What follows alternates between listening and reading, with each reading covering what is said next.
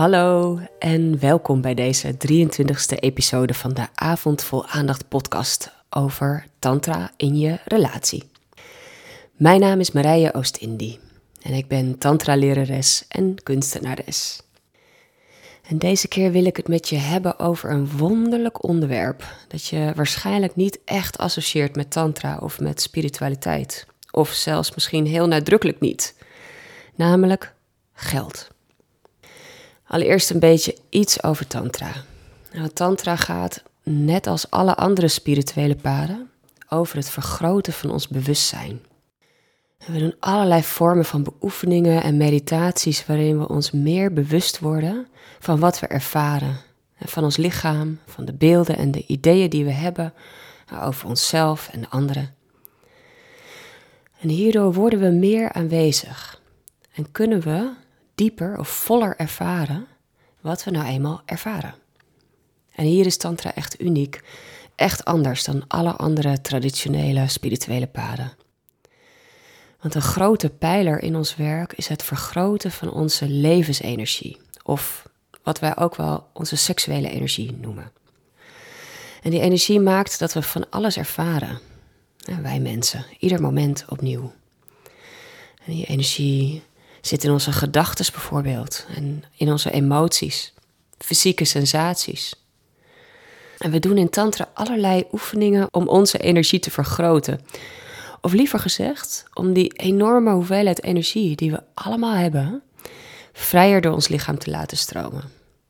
Nou, wat heeft dit dan met geld te maken, hoor ik je misschien denken? Alles.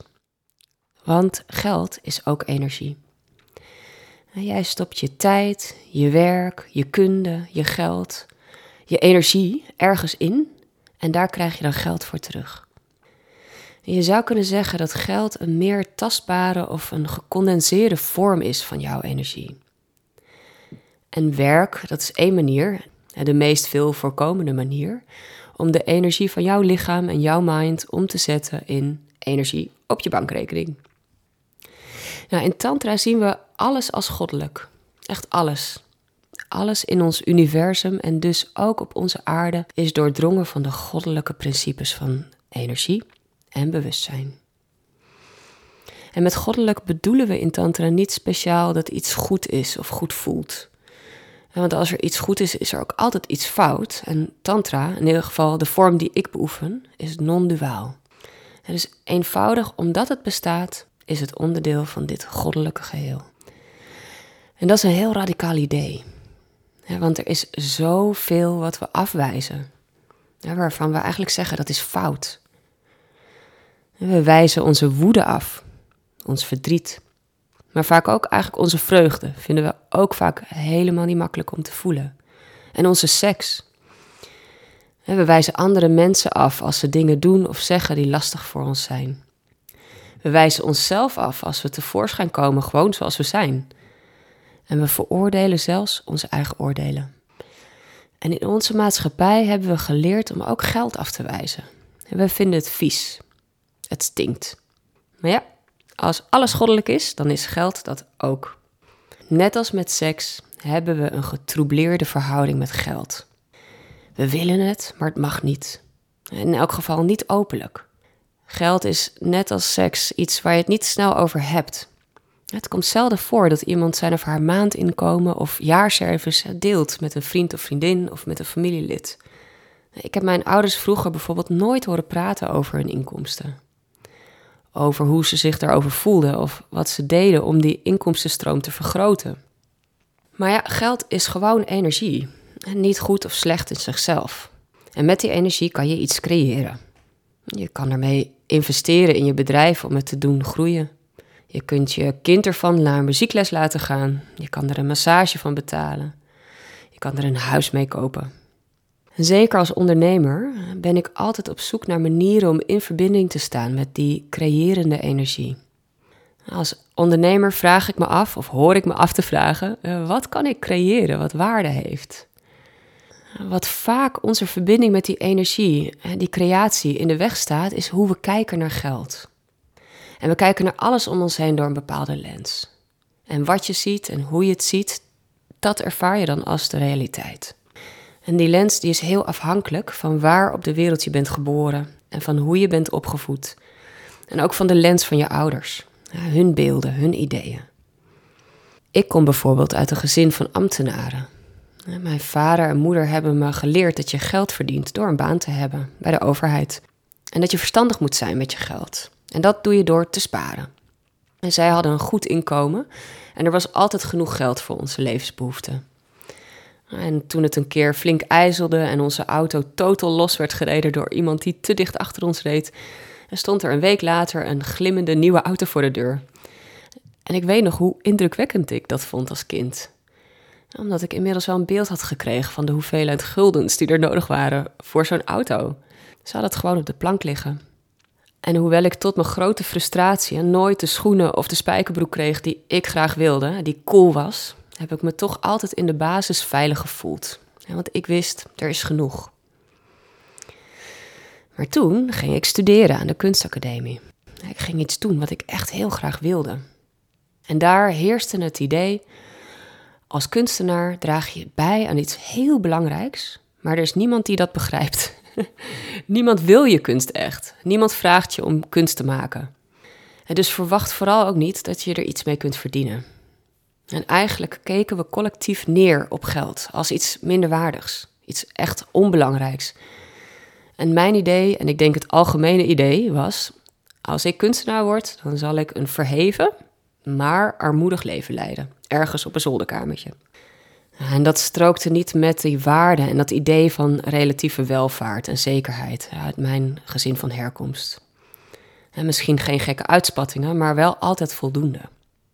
En ik besloot dan ook om dit verheven, maar armoedige leven aan me voorbij te laten gaan en na de kunstacademie verder te studeren. Met een licht gevoel van schaamte over mijn enigszins slappe keuze ging ik naar de universiteit. Want met een bul op zak zou ik wel een goede baan kunnen krijgen, dacht ik zo. Nou, eenmaal afgestudeerd, hele saaie studie trouwens. Oh, was het mijn eerste impuls om dan ook maar die baan aan te nemen die me werd aangeboden. Was trouwens een hele leuke baan hoor, dat is fantastisch. In Amsterdam, zo kwam ik hier te wonen. Maar ik deed dat zonder ook maar één moment te onderhandelen over het salaris. Dat had ik echt niet geleerd. Ik was al lang blij dat ik zekerheid had. Ja, nog een leuke ook. En ik rolde daarna eigenlijk als vanzelf in verschillende, nou, ik zou zeggen in eerste instantie interessante banen. Altijd direct ja zeggen tegen het eerstgeboden salaris.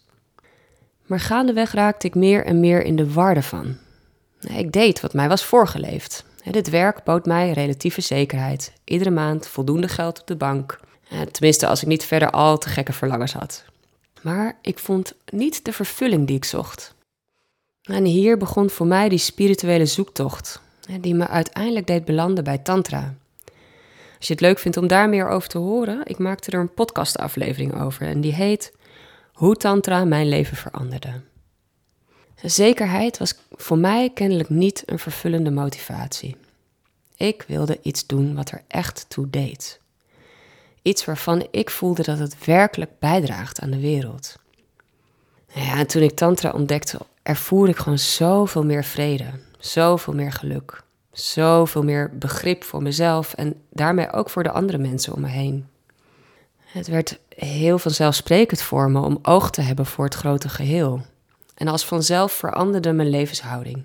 Ik ging veel minder vlees eten, veel minder vliegen, meer rekening houden met de generaties na mij, met anderen. Ik werd ook minder hard en veroordelend naar mezelf en daarmee ook naar anderen. En ik was daarin zeker niet de enige. En in bijna alle mensen die samen met mij Tantra beoefenden, zag ik deze natuurlijke verandering plaatsvinden. Ja, en toen wist ik het. Hier wilde ik aan bijdragen. Dit, dit wilde ik verder de wereld in helpen. Maar nu waart er in de spirituele wereld hetzelfde veroordelende dédain rond over geld als in de kunstwereld. Het is iets minder waardigs en veel minder belangrijk dan je spirituele groei. Je mag geld niet openlijk als een motivatie hebben om je werk te doen. En er zijn allerlei verhalen over belangrijke spirituele leraren bij wie je, als je als leerling werd aangenomen, je leven lang terecht kon in ruil voor een zak tabak en een kip.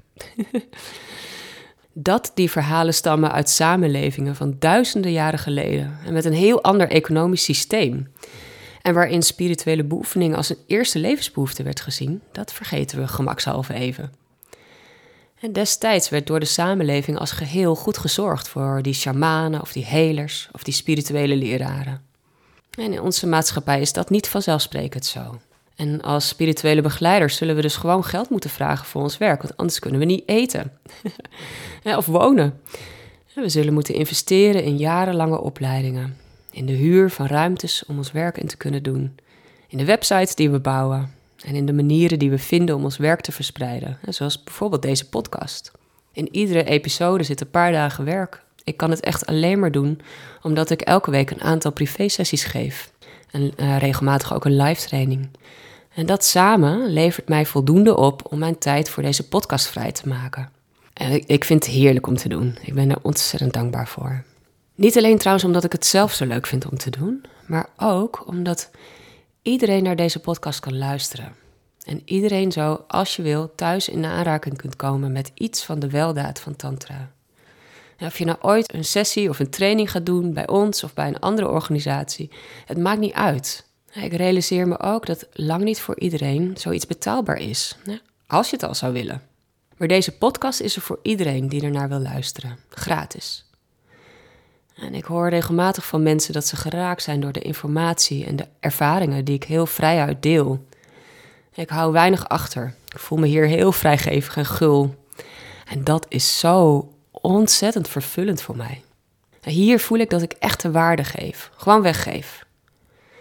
En hoewel de meeste mensen die hiervan profiteren er nooit voor zullen betalen, doet een kleine, groeiende groep mensen dat wel. En zij voelen, ja, ja, hier moeten we zijn, bij haar of bij hun. Een win-win situatie. En ik hoop dat jij, mocht je ondernemer zijn, jouw manier vindt om je kennis gratis uit te delen. En door erover te schrijven, video's te maken, podcast op te nemen. Echt, je maakt er de wereld mooier van. Dit is de nieuwe, ethische, planeetwaardige manier van marketing doen. Nou, geld, dat kunnen we zien met een blik van angst of met een blik van liefde. En mijn blik was, ondanks mijn veilige thuishaven van vroeger, toch behoorlijk angstig. Zeker op het moment dat ik door de economische crisis van rond 2010 gedwongen werd om zelfstandig ondernemer te worden. Ik werkte destijds in de kunstwereld en ik was echt in één klap mijn baan kwijt. En er waren precies nul vacatures. Echt geen uitzicht op ander werk. En toen realiseerde ik me dat eh, wanneer er niet een werkgever zou zijn die mij een baan aanbood, ik werkelijk geen idee had hoe ik zelf kon zorgen voor een betrouwbare stroom van inkomsten. Eigenlijk hoopte ik maar dat het vanzelf goed zou komen. En dit was echt een gebrek aan kennis. En samen met mijn neerbuigende ideeën over geld, waar ik me trouwens op dat moment helemaal niet van bewust was, was dit het recept voor armoede. Nou, en dat gebeurde dan ook. ik heb als beginnend ondernemer echt jarenlang iedere maand gehoopt dat er voldoende geld was om de huur van te betalen. En als er een onverwachte rekening binnenkwam, dan kon ik soms dagenlang niet slapen van de stress zorgen. En toen ontdekte ik dat geld misschien niet gelukkig maakt, maar dat ik zeker weten heel ongelukkig werd van het gebrek aan geld. Oh, wat een stress. Achteraf gezien was dit ja een hele arme periode in mijn leven en tegelijkertijd een hele rijke. Want als ondernemers zonder werk waren we eigenlijk helemaal vrij en beschikbaar om eindeloos veel te assisteren in tantra-retretes. Want Jeroen en ik werden echt tot onze grote vreugde door onze leraren uitgenodigd om hen retraite na retraite te helpen en van ze te leren. En dat was wat we het liefste wilden. Jep, we waren misschien arm en angstig over geld, maar we konden ons geluk niet op dat dit ons ten deel viel. Nou is geld een onderwerp voor allerlei projecties. Projecties is een ander woord voor onze ideeën, onze beelden over iets. En we kunnen beelden en ideeën hebben over van alles bijvoorbeeld over andere mensen of over onszelf. En hoe belangrijker iets of iemand voor ons is, hoe intenser de projecties. Nou, en die beelden die zijn vaak ontstaan door ervaringen van onszelf of soms ook van onze voorouders. Ik kan wel zeggen dat ik een behoorlijk vernauwd bewustzijn had over geld. Mijn vaststaande idee was: de beste manier om geld te verdienen is om een baan te nemen waar je voor 40 uur betaald wordt, maar natuurlijk 60 uur werkt. Want dat was gewoon wat ik mijn vader zag doen. En die beelden kunnen soms behoorlijk vaststaan. Zeker als je je er niet van bewust bent. En dat kan heel goed, want ze voelen als heel erg waar. En als je er niet nieuwsgierig naar bent, er geen onderzoek naar doet, en nooit met mensen spreekt bijvoorbeeld die hele andere beelden hebben, en dan kunnen ze behoorlijk uh, effect hebben op ons leven. En dan kan geld voor je op de stoep liggen, maar als je het niet ziet liggen, of als jij vindt dat het beneden je stand is om het op te pakken, hè, zal je dat nooit doen. Wat we in Tantra beoefenen is om een open mind te hebben ten aanzien van alles wat we meemaken. Geld maakt niet gelukkig. Dat is een algemeen geldende waarheid. En dat is zeker ook heel waar, in ieder geval regelmatig. Sommigen van ons hebben dat ervaren, of ervaren het nu. Want soms betekent het hebben van geld ook het verlies van liefde. Bijvoorbeeld omdat het verdienen ervan zoveel spanning kan veroorzaken. Om je een voorbeeld te geven, mijn vader verdiende goed, maar door zijn veel eisende baan was hij ook heel vaak laat thuis of zat hij s'avonds nog te werken in de werkkamer. In de weekenden en in de vakanties dan was hij er echt een grote speelkameraad die hutten met ons bouwde. Maar in werkweken was hij heel veel weg, was hij er niet. En door die ervaring ga ik op een bepaalde manier denken over geld. En mijn idee is dan, om genoeg te hebben moet ik wel heel hard werken. Kan ik mijn kinderen niet zien. En dat is eigenlijk wel een visie die we maatschappij breed hebben in Nederland. We hebben een neiging om voor alles in het leven hard te gaan werken. Het is de norm in Nederland, hard werken. Uh, ik mag best geld verdienen, maar alleen als ik hard werk. Maar zoals ik al eerder zei, geld is energie. En er is denk ik niks waar zoveel energie instroomt, zo makkelijk instroomt, als in plezier en als in verlangens. Dus is het wel waar dat je hard moet werken voor je geld? Of kan je misschien ook geld verdienen terwijl je plezier maakt? En dat begin ik nu een beetje te ervaren. En soms als ik een training geef, dan gaat het zo moeiteloos. En voel ik me zo vrij, zo geliefd, zo waardevol, zo open. Ik kan dan soms ineens een klein stemmetje in mezelf horen zeggen van... Oeh, je zou hier eigenlijk harder voor moeten werken. Of hier zouden mensen niet voor moeten betalen. Dit zou je gratis moeten doen. Maar ik zeg je, het is eigenlijk precies andersom. Ja, want hoe meer ik vaar op die hele natuurlijke stroom van plezier en verlangen, hoe meer waarde ik toevoeg. Gewoon omdat het zo in lijn is met wat het universum met mij lijkt te willen. En wat anderen van me willen. En hoe meer waarde ik toevoeg aan al die levens die ik aanraak, in mijn trainingen en in mijn sessies, hoe meer mensen bereid zijn om ervoor te betalen. Zo werkt het. Nou, dan kan het zo zijn dat je nu denkt: Nou, ik heb niet echt projecties of beelden over geld. Of ik heb geen problemen met geld. Dat kan heel goed zijn. Maar dan vermoed ik dat je behoorlijk rijk bent. Dat je moeiteloos geld verdient. Of als je dat niet bent, dan ben ik toch wel benieuwd. Wat zijn jouw ideeën of je aannames over mensen met veel geld? Hoe denk je dat rijke mensen hun geld hebben verdiend? Waar spenderen ze het aan? En hoe zijn rijke mensen? wat dragen ze bij aan de wereld of juist niet? Nou, het lullige is, vaak zijn onze ideeën en aannames over rijke mensen niet heel positief. Kan je zeggen, hier heb ik een behoorlijke weg in afgelegd en nog steeds niet klaar, nog lang niet klaar. ik zie bijvoorbeeld onze prachtige natuur verdwijnen omdat veel mensen heel veel geld willen verdienen. Ah, en natuur is altijd zo belangrijk voor me geweest. Dat gaat me zo aan het hart. Als een boom wordt omgezaagd, dan voel ik fysieke pijn. Echt rampzalig in deze wereld. En dus als ik soms hoor wat topmannen bij banken of bij bedrijven zoals Shell verdienen, of hoe politici smerige deeltjes maken terwijl ze geen oog lijken te hebben voor de desastreuze gevolgen van hun werk, ja, dan heb ik wel erg veel moeite soms om rijke mensen, of deze rijke mensen, met een open mind te beschouwen. En we lijken het heel normaal te vinden dat mensen heel veel geld verdienen terwijl ze de wereld naaien. Maar met kunst of spiritualiteit, werk wat de wereld echt mooier maakt, daar mag je niks mee verdienen. Tja, daar kan ik soms met de pet echt niet bij. En hier heb ik dus nog heel wat uurtjes op te mediteren en sessies op te doen voordat ik ook dit kan accepteren als deel van het goddelijke geheel. Hele klus. En misschien heb jij juist allerlei negatieve oordelen over arme mensen. Wat denk jij over arme mensen? Zijn die lui? Houden ze een hand op? Hebben ze het er zelf naar gemaakt? Of hebben ze misschien gewoon pech gehad?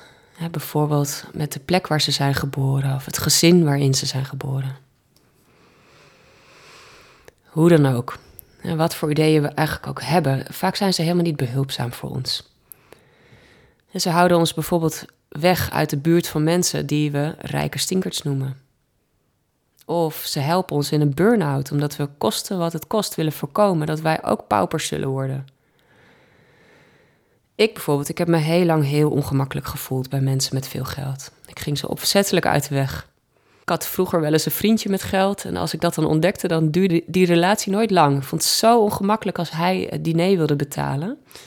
Maar als we in een restaurant zaten waarvan ik het echt niet kon betalen, oh, wat een stress. maar dit verkleinde wel mijn kansen om van hen te leren. Super zonde.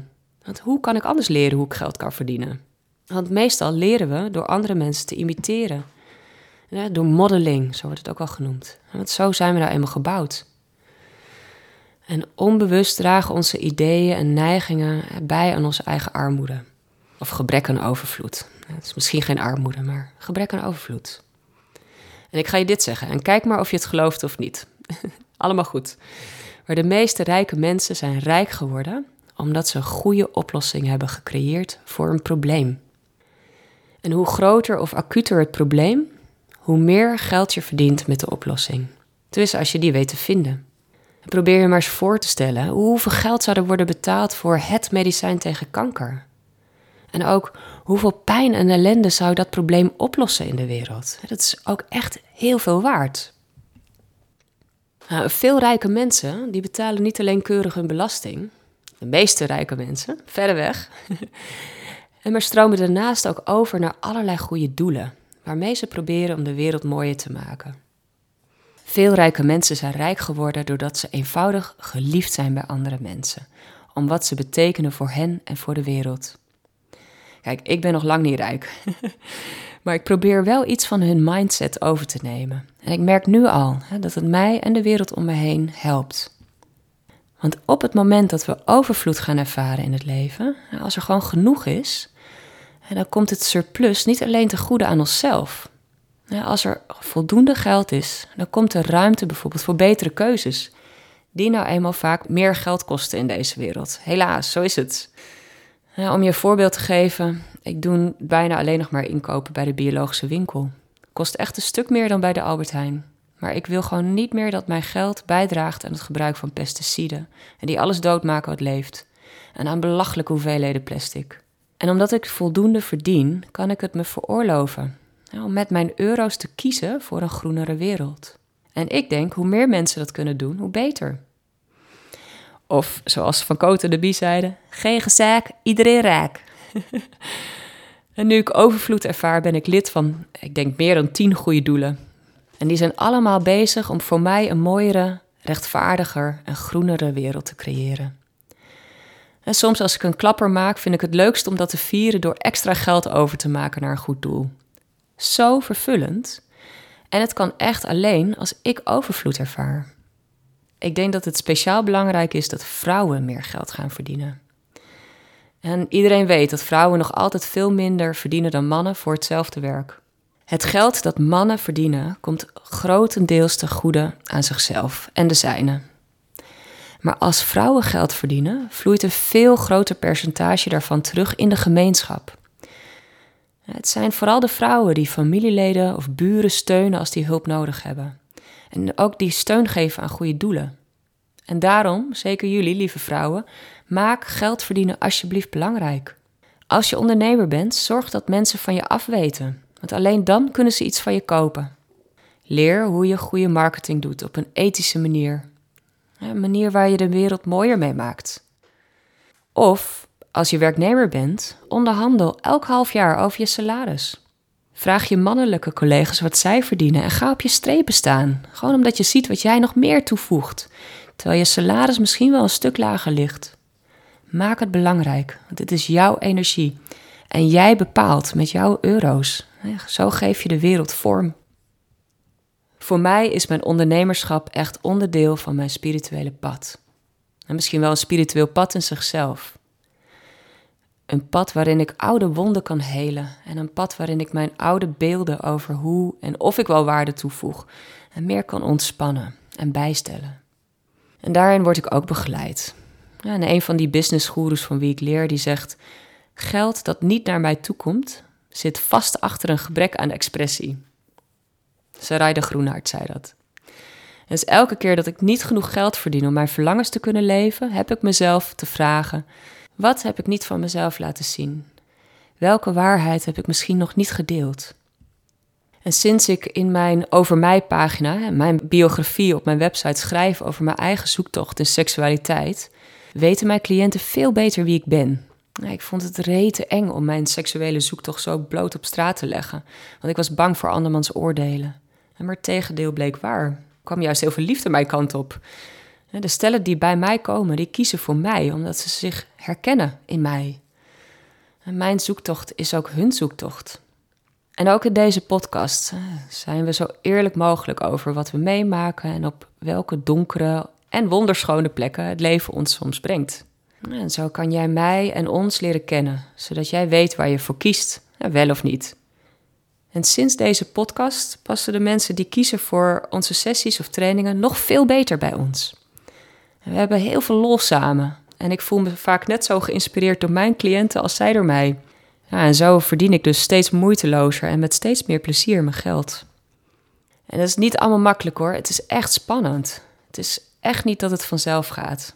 Iedere keer dat ik een prijs moet bepalen voor bijvoorbeeld een nieuwe training, niet alleen voor de kosten die ik maak, maar ook voor wat ik vind dat het waard is, sta ik echt beentjes te zweten. Ik vind het zo spannend. Mezelf echte waarde toekennen is echt een van de lastigste dingen in het ondernemerschap voor mij.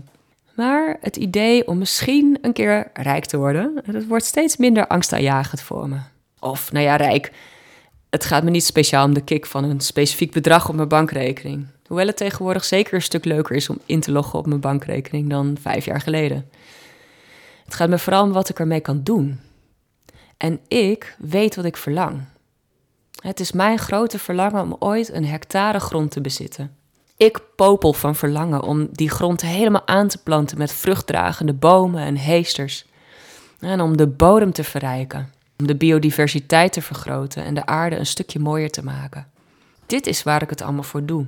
En dat is heel belangrijk om te weten voor mezelf. En dat maakt dat ik niet alleen maar werk zodat ik nu de huur kan betalen of straks een pensioen heb. Ik werk voor iets waar ik heel warm van word en waar mijn bloed sneller van gaat stromen. Nu ik weet dat ik werk voor dit prachtige verlangen, geeft me dat nog meer energie. Het maakt helderder waar mijn leven heen wil bewegen. Keuzes worden makkelijker te maken. Als ik hiervoor kies, komen mijn verlangens dan dichterbij of juist verder weg? En te weten dat mijn verlangen niet alleen voor mij is, maar ook ten goede komt aan het grote geheel, dat helpt mij nog meer om het waar te maken. maar dit is hoe ik ben. Weet je wat? Kijk, als jouw energie helemaal gaat stromen van die rode sportauto, ga ervoor. Maak het belangrijk. En zorg dat je trots kunt zijn op de manier waarop je het voor elkaar krijgt. Nou, ik wil je een paar concrete tips geven die ik heb geleerd in die vele cursussen die ik heb gevolgd over ondernemerschap en ook over geld.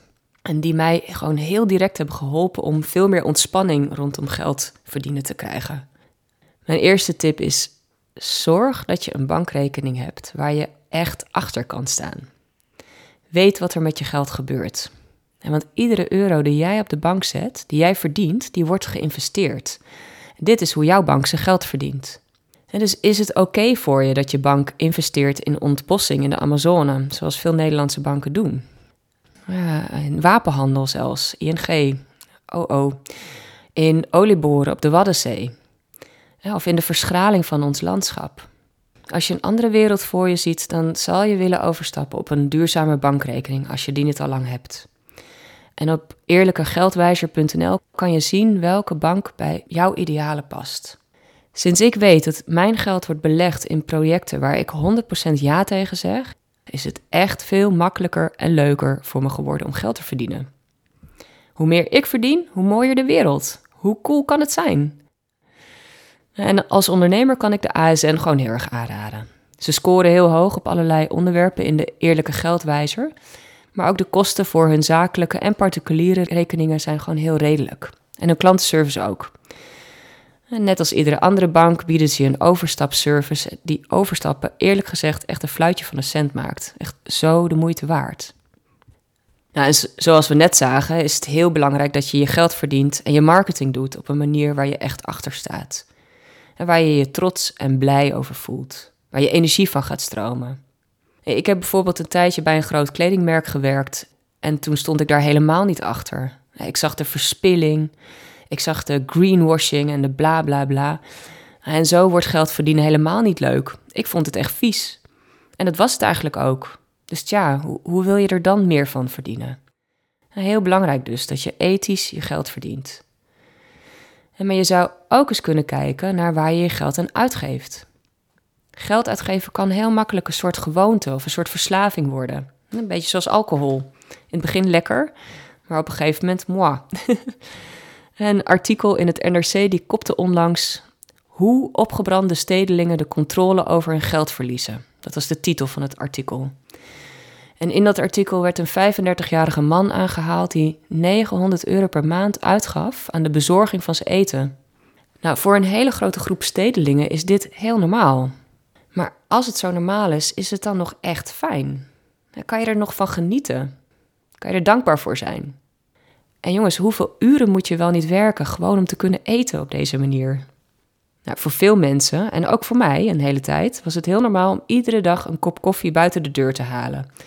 En dat kost hier in Amsterdam echt zo 4 euro. Als je er havermelk in wil, 4,50.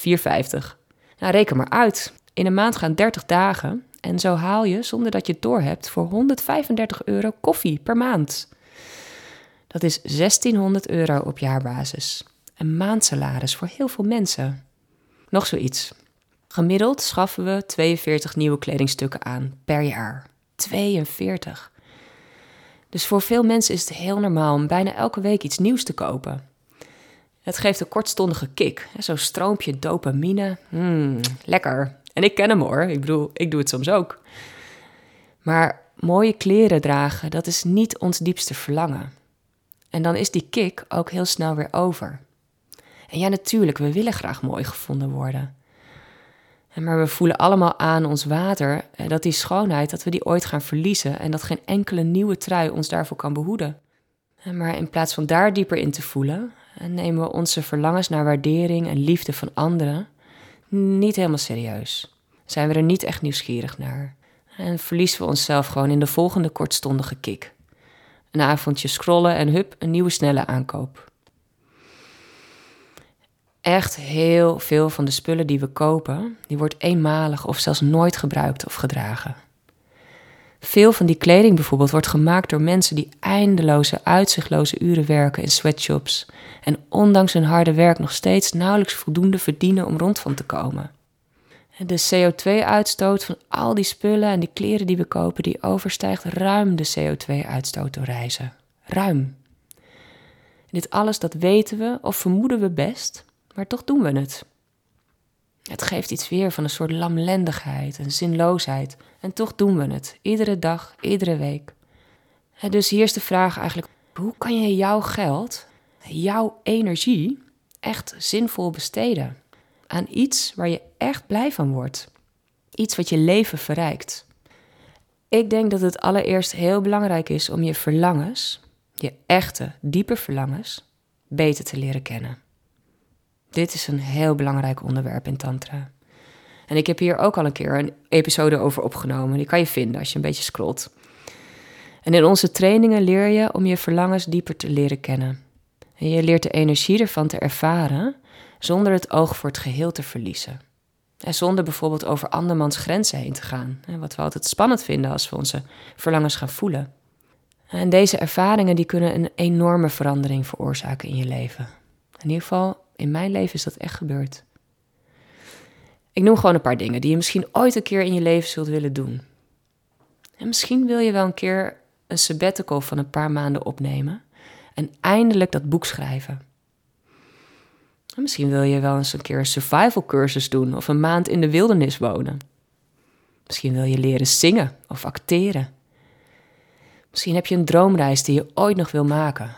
Of misschien wil je je eigen bedrijf beginnen En zoals we net hebben gezien, kan je al deze dingen doen, of in ieder geval grotendeels doen, als je vijf jaar lang je koffie zelf maakt in plaats van die buiten de deur te kopen. Dus, ik wil graag een paar trucs met je delen die je zeker weten geld gaan opleveren. De eerste is heel logisch. Hè? Stop met koffie buiten de deur of andere uitgaven waar je niet echt dankbaarheid of blijdschap over kunt voelen. En misschien is die koffie voor jou zo heerlijk en geniet je er elke dag van. Altijd doen natuurlijk. Hè? Maar kijk eens naar waar geef ik geld aan uit. Misschien het abonnement op die sportschool waar je al maanden niet bent geweest, om maar iets te noemen. Maar nu komt het belangrijkste. Open vervolgens een nieuwe, duurzame spaarrekening. En laat het bedrag dat je maandelijks niet meer uitgeeft, of een bedrag wat je gewoon kan missen, hier automatisch op storten. Dit is echt een gamechanger geweest voor mij. En ik ga het met je delen omdat ik hoop dat jij er ook wat aan hebt. Ik ben er enthousiast over geweest tegen een paar vrienden. En die zijn het ook gaan doen. En die zijn ook helemaal verrukt over het resultaat. Dus stel je hebt een droom, een verlangen. Je wilt een keer de droomreis van je leven maken. Naar Bhutan of zo. Of je wilt die sabbatical en je boek schrijven. Maar het is te duur. Eigenlijk wat je zou moeten zeggen. Op dit moment heb ik het geld niet. dat is een feit. Nu kan je het inderdaad misschien niet betalen. Maar wie zegt dat je het over vijf jaar niet zou kunnen betalen? Alleen zover durven we vaak niet voor uit te kijken. We hebben niet echt geleerd om onze verlangen serieus te nemen. Maar wat als je dat nou wel doet? dus maak een spaarrekening aan en laat daar iedere maand automatisch, weet ik veel, 100 euro naar overschrijven. Automatisch. En dat betekent dat je er niet naar omkijkt. Dat betekent dat je niet iedere maand opnieuw die beslissing maakt of gaat twijfelen. Zo van, Oh, kan ik die 100 euro niet beter uitgeven aan die reparatie van mijn fiets? Nee, daar heb je een ander potje voor. Kom ik zo op terug. Oké, over één jaar staat er 1200 euro op die rekening. Over vijf jaar staat er 6000 euro op die rekening. Wat denk je? Kan je daarvan op reis? Denk het wel. En afhankelijk van of je gaat kamperen of in luxe hotels wil verblijven, waarschijnlijk nog wel veel langer dan een maand. Dit kan je gewoon plannen. Je kunt uitvinden wat jouw droom kost. En je kan ook bedenken hoe lang je maximaal wil wachten totdat je je droom uit kunt laten komen. En dan, na een eenvoudige deelsom, weet je precies wat je elke maand opzij moet zetten om dit voor elkaar te krijgen. Ja, het is misschien even wennen om die 100 euro niet meer te hebben om gedachteloos uit te kunnen geven aan een nieuwe trui of iedere dag een cappuccino. Maar laten we eerlijk zijn, echt nodig heb je die niet. En de wereld heeft het ook al niet nodig. Ik kan je uit eigen ervaring vertellen dat je er heel snel aan gewend raakt. Echt snel. En het leuke is dat die droomreis, waarvan je nu weet hè, dat je hem over vijf jaar gaat maken, daar kan je nu al van genieten. Je kan die reis tot in de puntjes voorbereiden. Je kan je erover inlezen. Je kan er andere mensen over spreken die je geweldige insidertips gaan geven. En zodat het ook werkelijk de reis van je leven wordt. Het is geen toevalligheid meer. We hebben thuis verschillende spaarpotten voor verschillende verlangens. Ja, Jeroen en ik hebben jarenlang onze leraren onbezoldigd geassisteerd in die talloze tantra-retretes. En terwijl wij zo ongeveer leefden van de wind, kochten generatiegenoten hun huizen. En nu wonen wij op een fijn, maar te klein appartementje op één hoog. Ja, dus onze belangrijkste spaarpot op dit moment is voor dat huis met die hectare grond. En maar ook spirituele beoefening, ook tantra, kost geld. soms hoor ik dat mensen daar boos over zijn. En weet je, ik begrijp het echt heel goed. En zoals je nu weet, had ik zelf heel lang niet voldoende geld om alle retraites en sessies te kunnen doen die ik graag wilde. En waarvan ik soms ook kan voelen dat ik ze echt nodig had. Ik heb me er verschrikkelijk gefrustreerd over gevoeld. Nu ik zelf aanbieder ben en alle binnenkomende rekeningen zie, ervaar ik ook de andere kant van het verhaal. We zitten vaak met onze deelnemers een paar dagen op een hele mooie plek met lekker eten en een goede staf. En er gaan zo waanzinnig veel uren in de organisatie van zo'n retraite zitten. En we geven bijvoorbeeld aankomende zomer een familieretraite. Dat hebben we net op onze website aangekondigd. Kan je heen met je hele gezin.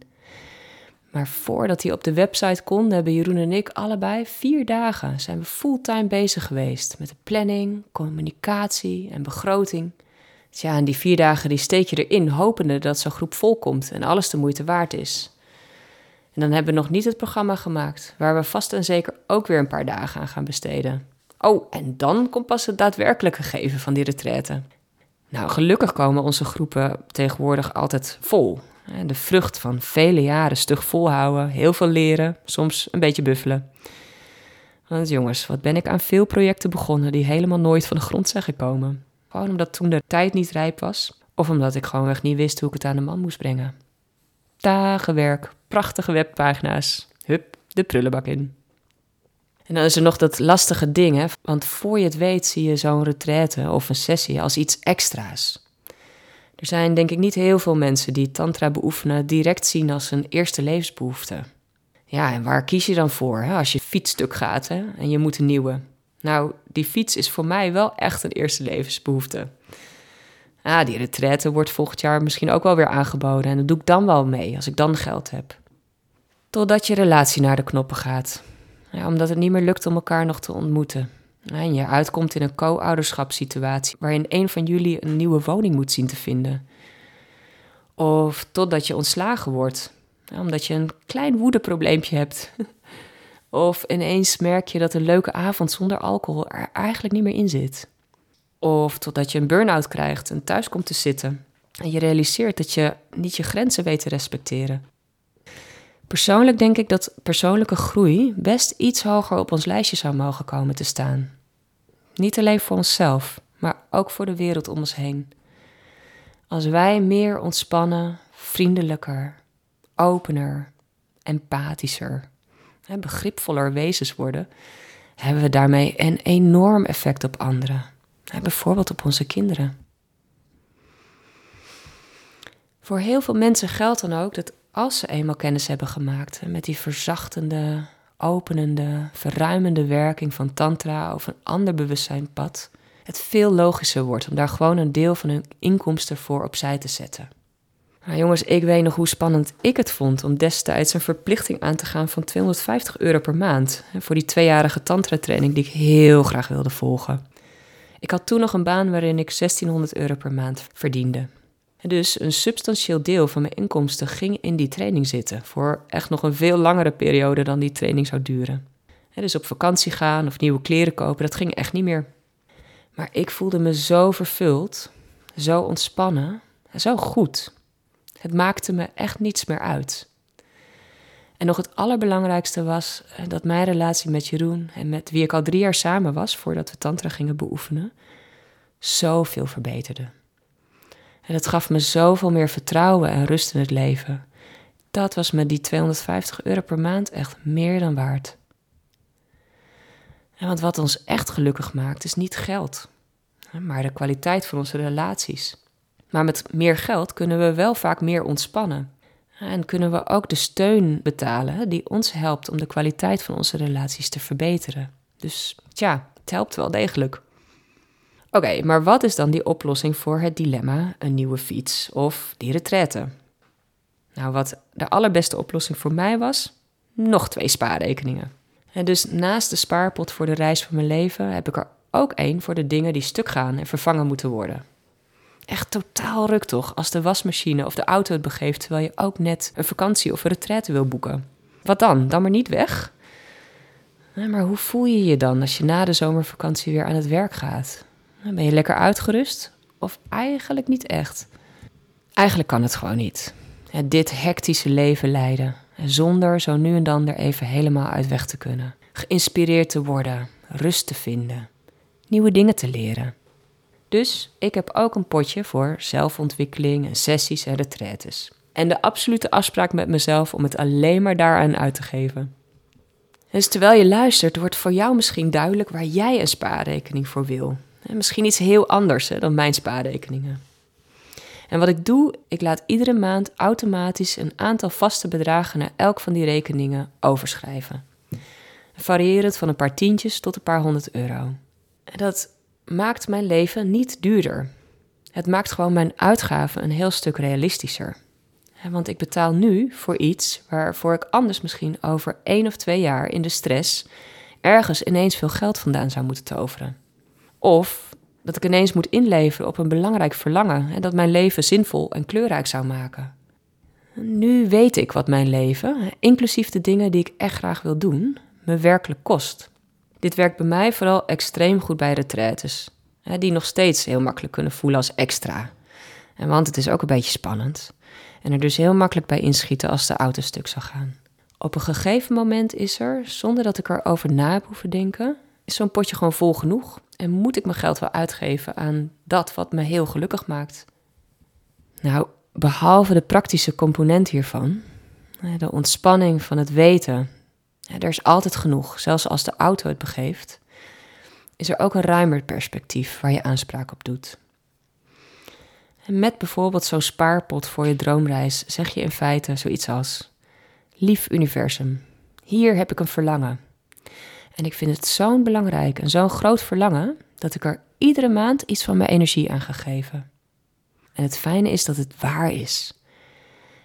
waar je energie aan geeft en waar je aandacht aan geeft, dat groeit echt. Hoe meer van die potjes, hoe meer ruimte voor overvloed. En daar houdt het universum wel van. En ik hoop jij ook. Zo.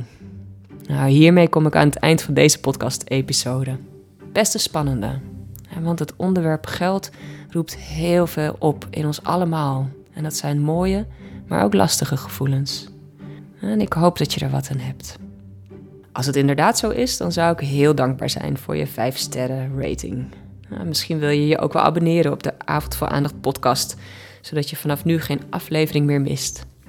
Dankjewel.